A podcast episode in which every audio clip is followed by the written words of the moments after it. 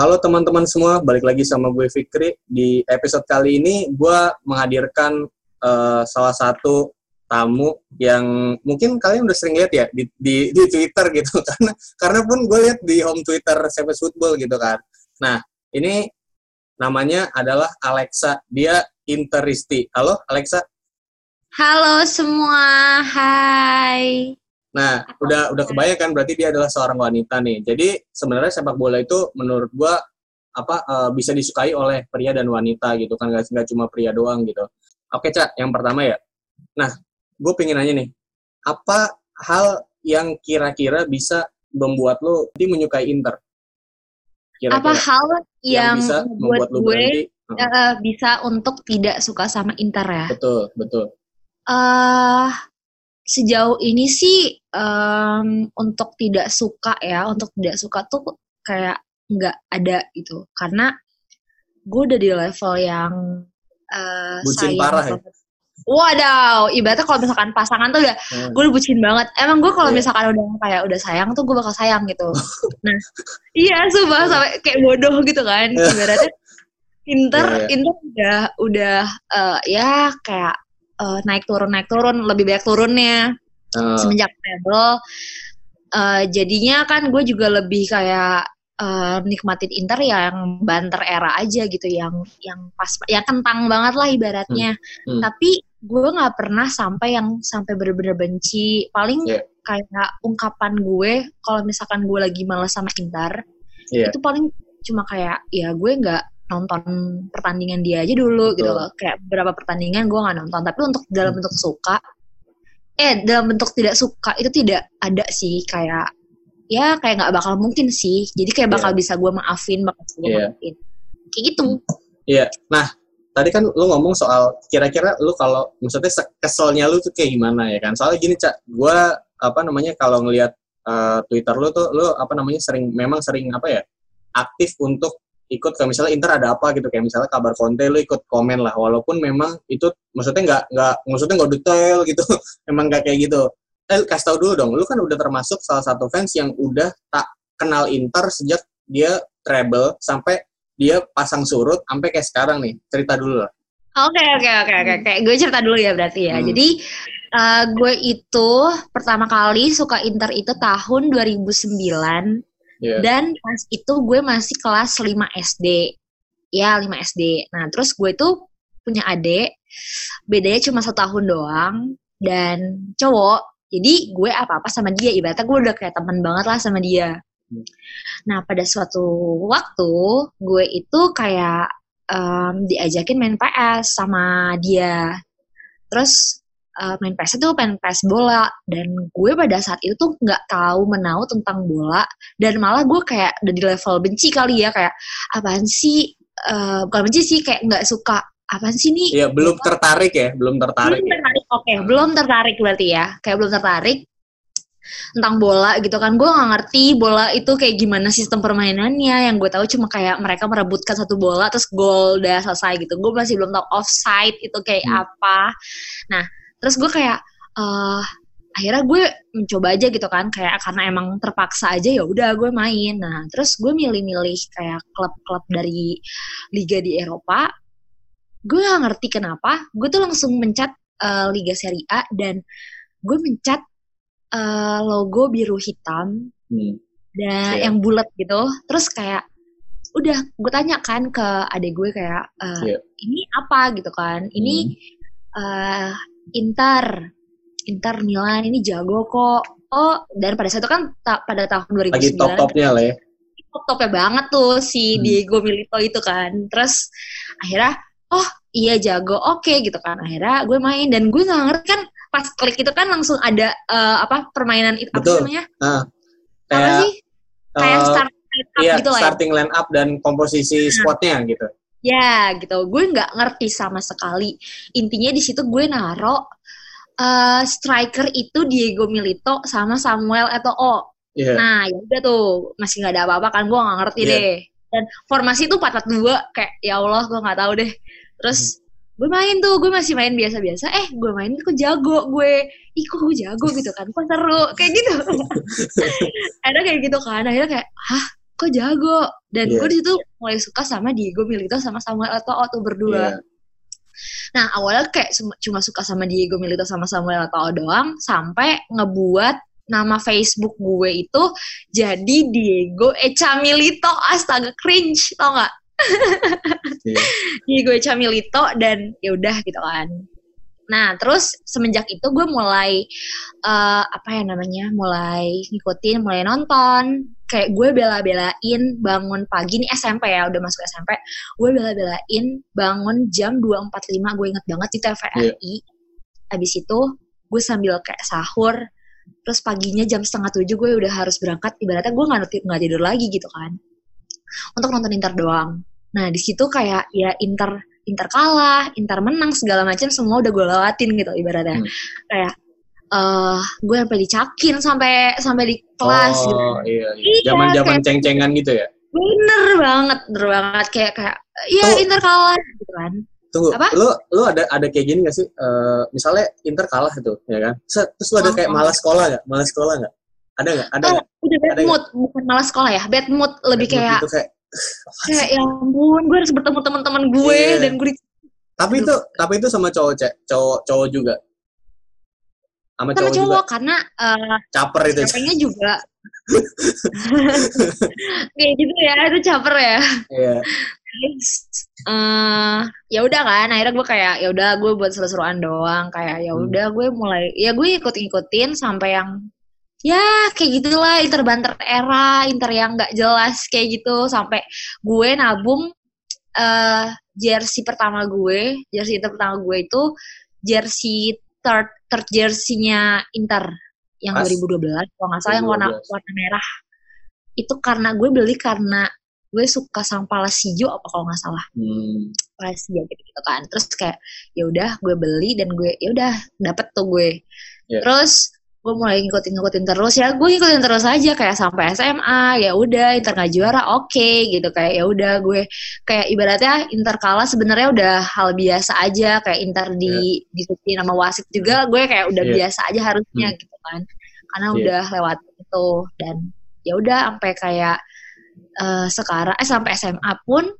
Hmm. eh menariknya tuh gini kayak eh karena Inter Hmm. gue jadi tertarik jadi cita-cita gue tuh kayak langsung berubah gitu. Jadi kayak cita-cita gue tuh gue pengen nonton Inter di Milan. Oh. Ya kayak gue pengen ke stadion Giuseppe Meazza gitu loh. Iya. dan hal yang gue yang gue pikirin tuh gini. Kalau misalkan gue harus gue ke sana gue berarti harus menguasai bahasa sana.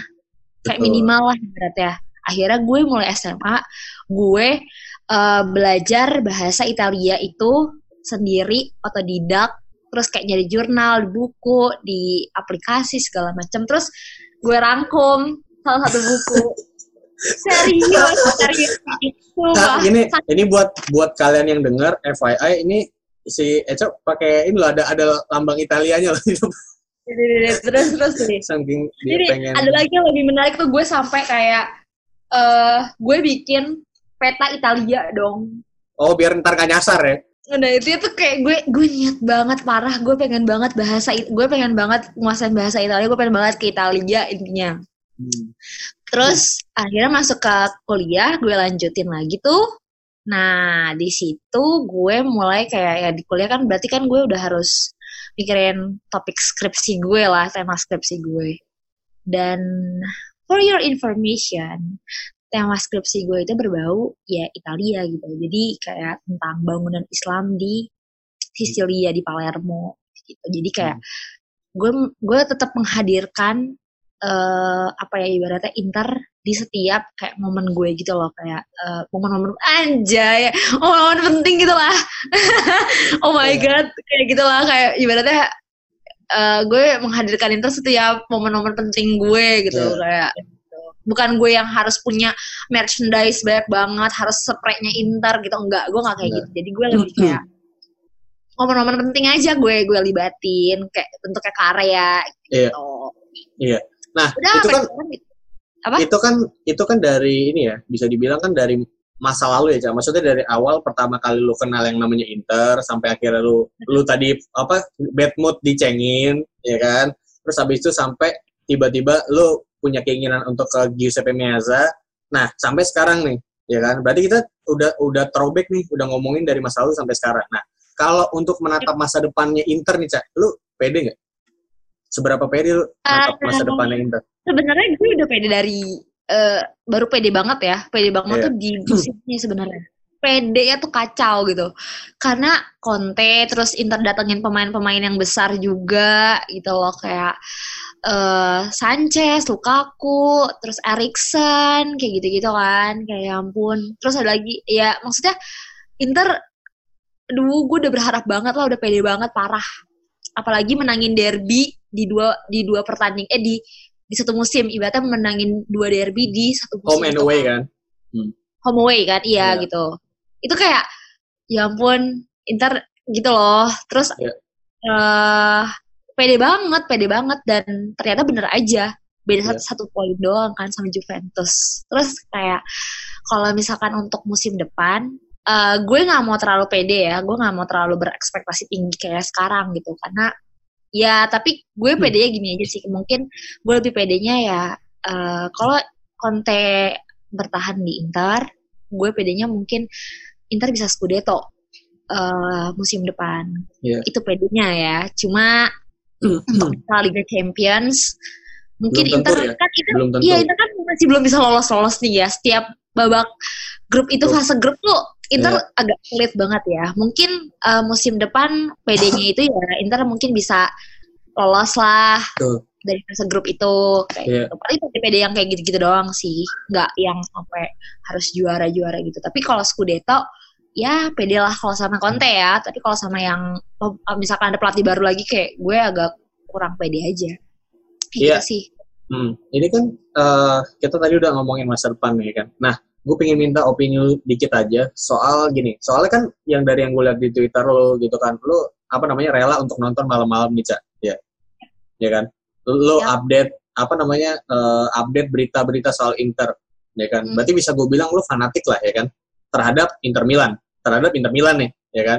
Oke. Pendapat lu untuk fans Karbit nih, atau yang mungkin nonton apa namanya atau suka Inter baru-baru gitu atau cuma apa namanya kayak sosok ngikut-ngikut doang gitu kan banyak tuh yang kayak gitu Oke, Ini opini gue ya. Heeh. Fans-fans Karbit lah ya. Hmm. Nah, jadi kayak gini sih menurut gue, kayak gue ngeliat dari teman-teman gue gitu, eh, fans Karbit, eh, fans Karbit itu mereka juga punya alasan sebenarnya. Ada yang tadinya dia tuh mendukung satu klub, tapi tiba-tiba klub yang dia dukung itu tuh kayak begitu-begitu aja gitu, kayak oh akhirnya dia mencari pelampiasan nah, kepada klub gitu. lain gitu. Oh Ya, saya kayak paham. Ini jelek gitu kan. Iya. ini jelek nih kayak gue kurang tertarik deh. Kayak gue bakal pindah ke klub yang lebih ini lagi memungkinkan gitu gitulah gini kalau menurut Halo. gua mereka tuh cuma ini cuma mengharapkan satu tim yang bisa mereka banggakan pada periode tertentu kayak gitu menurut gua. Kayak misalnya nih Juventus sekarang lagi juara. gimana Nah, gimana gimana Iya, di eh, mereka itu berusaha untuk mendapatkan atau mendukung klub yang bisa mereka banggakan pada periode tertentu gitu. Jadi kayak misalnya lagi juara tuh mereka dukung tuh kayak gitu. Jadi dia tuh nggak ada yang merasa Iya, nggak ada yang tapi- ngecengin gitu kan. Kayak gitu aja menurut gua fans Karbit oh itu definisinya hunter seperti ya itu. glory hunter ya Betul, betul. Ar- arahnya ke Glory sana. ya nah kayak gitu ada lagi kalau untuk yang sisi cewek ya yang sisi cewek nih kalau sisi cewek tuh paling kayak dukung cuma karena gantengnya kayak menurut gue lo mendingan gak usah kayak misalkan lo, lo dukung satu pemain yang ganteng terus kayak tiba-tiba eh, kalau misalkan menang ya di ini didukung kalau kalau enggak ya di yang ditinggalin aja kayak seakan-akan nggak pernah terjadi apa-apa itu kayak menurut Betul. gue mendingan lo nggak usah suka bola deh udah mendingan Iya. lo tuh diem-diem aja Iya. gak usah gak usah sok-sokan tahu bola tapi lo tuh Heeh. cuma dukung kayak yang ganteng doang cuma pengen lihat yang ganteng-ganteng Hmm. doang gitu mendingan lo cari model nggak usah usah main bola gitu Hah? Tapi gini, Cak, itu sebenarnya ini kita ke situ dikit ya. Itu sebenarnya jadi indikator penting gak sih buat lo aja, buat lo aja. Maksudnya kayak Oke. misalnya ada suatu tim nih, isi pemainnya ganteng-ganteng nih, ya kan pemainnya gitu kan badannya bagus, terus face-nya good looking gitu kan. Nah, Yep. menurut lo itu jadi nilai tambah gak sih buat lo sendiri gitu? Ya kan? Nah, ini buat para pendengar biar tahu gitu dari sudut pandang wanita tuh emang ganteng pemain bola ganteng tuh jadi pilihan gitu. Eh uh, sebenarnya ya kalau gue untuk dari gue ya, hmm. ganteng itu sebenarnya uh, ya bonus aja gitu kan. Tapi gue dari dari sudut pandang cewek yang emang gue nonton bola, gue tuh nggak terlalu melihat gantengnya.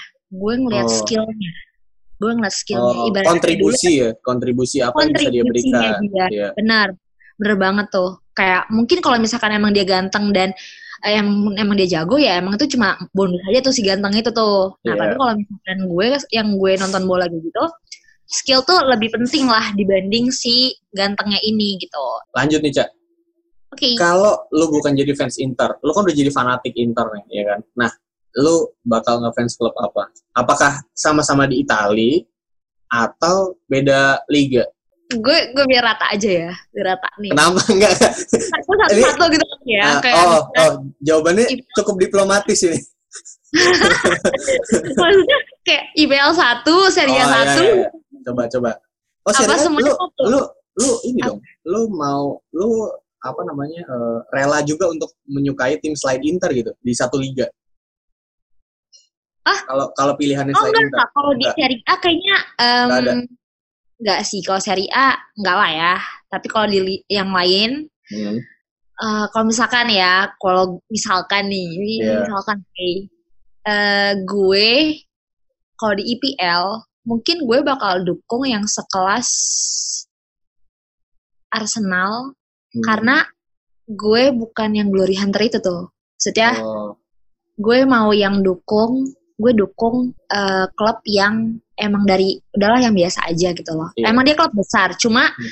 yang sekarang tuh biasa aja gitu loh, yang nggak besar-besar banget. Jadi yeah. gue tuh emang pengen ngikutin dari awal dari dia jomplang-jomplangnya, walaupun emang agak agak apa ya, agak nyebelin aja gitu kan. Tapi itu feelnya feelnya ada gitu loh. Kalau misalkan hmm. nanti dia juara, feelnya tuh lebih lebih kerasa gitu. Kalau yeah. misalkan di uh, apa namanya di Spanyol mungkin gue Atletico ya Atletico hmm. kan besar cuma ya ya udah aja gitu kan hmm. terus kalau misalkan di Jerman ya itu tuh si Dortmund bukan si oh. Munchen oh. jadi ini yang yang ada tantangannya gitu loh bukan yang asal juara-juara terus gitu.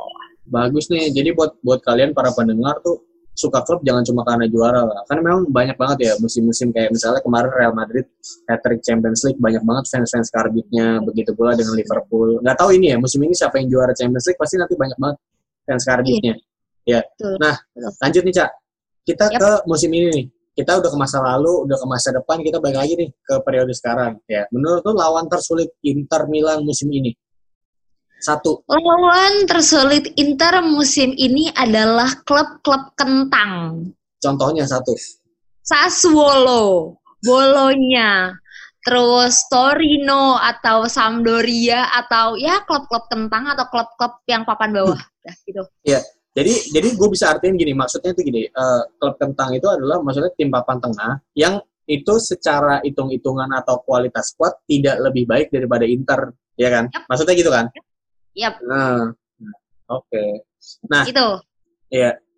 Sekarang kita ke pertanyaan terakhir. Gue minta sejujur-jujurnya nih. Maksudnya jangan karena ada gue. Pendapat okay. dan kritik lo untuk Savage Football. Savage Football. Uh, untuk pendapat ya, hmm. karena gue uh, jujur nih, jujur aja nih ya. Savage Football itu pernah lewat L gue. Hmm. Terus gue klik kan yang hmm. pas dia itu nge ngebahas uh, masalah taktikal itu di Inter lawan Napoli kalau nggak salah kayak Conte uh, yeah. berhasil kayak berhasil uh, apa ya berhasil memainkan per, apa namanya ya for, bukan formasi apa sih namanya skema gitu -gitu. skema skema ya. gitu kan ya nah di situ gue ngeliat tuh gambar-gambarnya dan bener-bener gue ngeliatnya itu sampai gue zoom zoom gue, Masa sih? gue serius demi Allah uh, sama sama uh, yeah. gue kayak sampai zoom ini oh oke okay, gini kayak sesuatu yang belum gue dapetin gitu hmm. nah jujur aja setelah gue lihat lihat pembahasan dari apa namanya dari gambar-gambar tersebut gue langsung uh, klik YouTube tuh di YouTube hmm. itu gue bener-bener perhatiin tuh gue liat highlightsnya dan gue perhatiin uh, alur yang Savage Football bahas dan gue oh. kayak liatin oh beneran kayak gitu ya kayak si Sanchez kayak kayak cross uh. apa oh. namanya ya yeah, ya yeah, I don't know itu lah hmm. kayak cross cross apa gitu kan terus kayak oh oh ini oh ini maksudnya skema gitu gitu loh jadi kayak gue menambah pengetahuan tentang taktikal gitu iya yeah Terus uh, menurut gue pendapat gue Savage Football tuh uh, menarik ya karena membahas sesuatu yang maksudnya bukan masalah uh, apanya ya kayak masalah pemain cuma doang. berita cuma berita apa namanya iya hmm. dia evaluasi uh, sebuah pertandingan gitu yeah. itu dan itu itu itu sih itu pendapat gue kayak itu keren gitu dan itu beda dari yang lain karena hmm. bukan bukan membahas tentang yang itu berita-berita tadi kan. Nah, kritik gue, gue belum, gue nggak tahu kayak, gue masih belum tahu. Jadi kayak gue nggak ada kritik, cuma gue ada saran aja hmm. untuk Savage Football itu uh, coba dipertahanin aja konsepnya itu hmm. dan dibikin uh, masalah pembahasannya itu lebih singkat, padat dan jelas. Jadi oh. orang yang pengerti. Tuh, jadi kayak okay. ya lebih menarik lah ya. Pokoknya jangan jangan keluar dari konsep itu. Itu menurut gue menarik sih. Karena beda. Oke. Okay. Hmm, gitu. Iya. Okay. Yeah. Nah, ya. ini uh, sebenarnya bukan pertanyaan sih. Gue gua gua cuma mengajukan doang. Lu kalau misalnya ngobrol lagi di podcast sama gue bersedia atau tidak? Kalau misalnya gue undang lagi. Oh, bersedia banget. Bersedia. Oke, okay. asal kalo jadwalnya cocok mungkin ya. Ya, kalau gue ada waktu, gue bisa, insya Allah lah, gue bisa. Okay. Nah, oke, okay sampai sini aja. Gue Fikri pamit, Alexa juga pamit. Sampai jumpa di episode-episode lainnya. Dadah. Bye, buonanotte. Nah, gue mau ngasih tahu nih. Jadi, Lamani Coffee itu ada di Jalan Dr. Sumarno, Cakung, Jakarta Timur. Jadi, buat kalian yang berada di sekitar situ, di sekitaran Jakarta Timur atau Jakarta, bisa banget mesen ke Lamani Coffee kalau kalian mau nyari kopi yang enak dan rasanya berkarakter. Karena harganya pun relatif murah nih. Bisa gue bilang es kopi Lamani Aren aja cuma 15 ribu. Terus ada green tea latte cuma 20 ribu. Jadi pas banget di kantong para pelajar dan kalian semua yang pengen ngopi dengan harga murah. Jadi tunggu apa lagi langsung ke Lamani Coffee ya.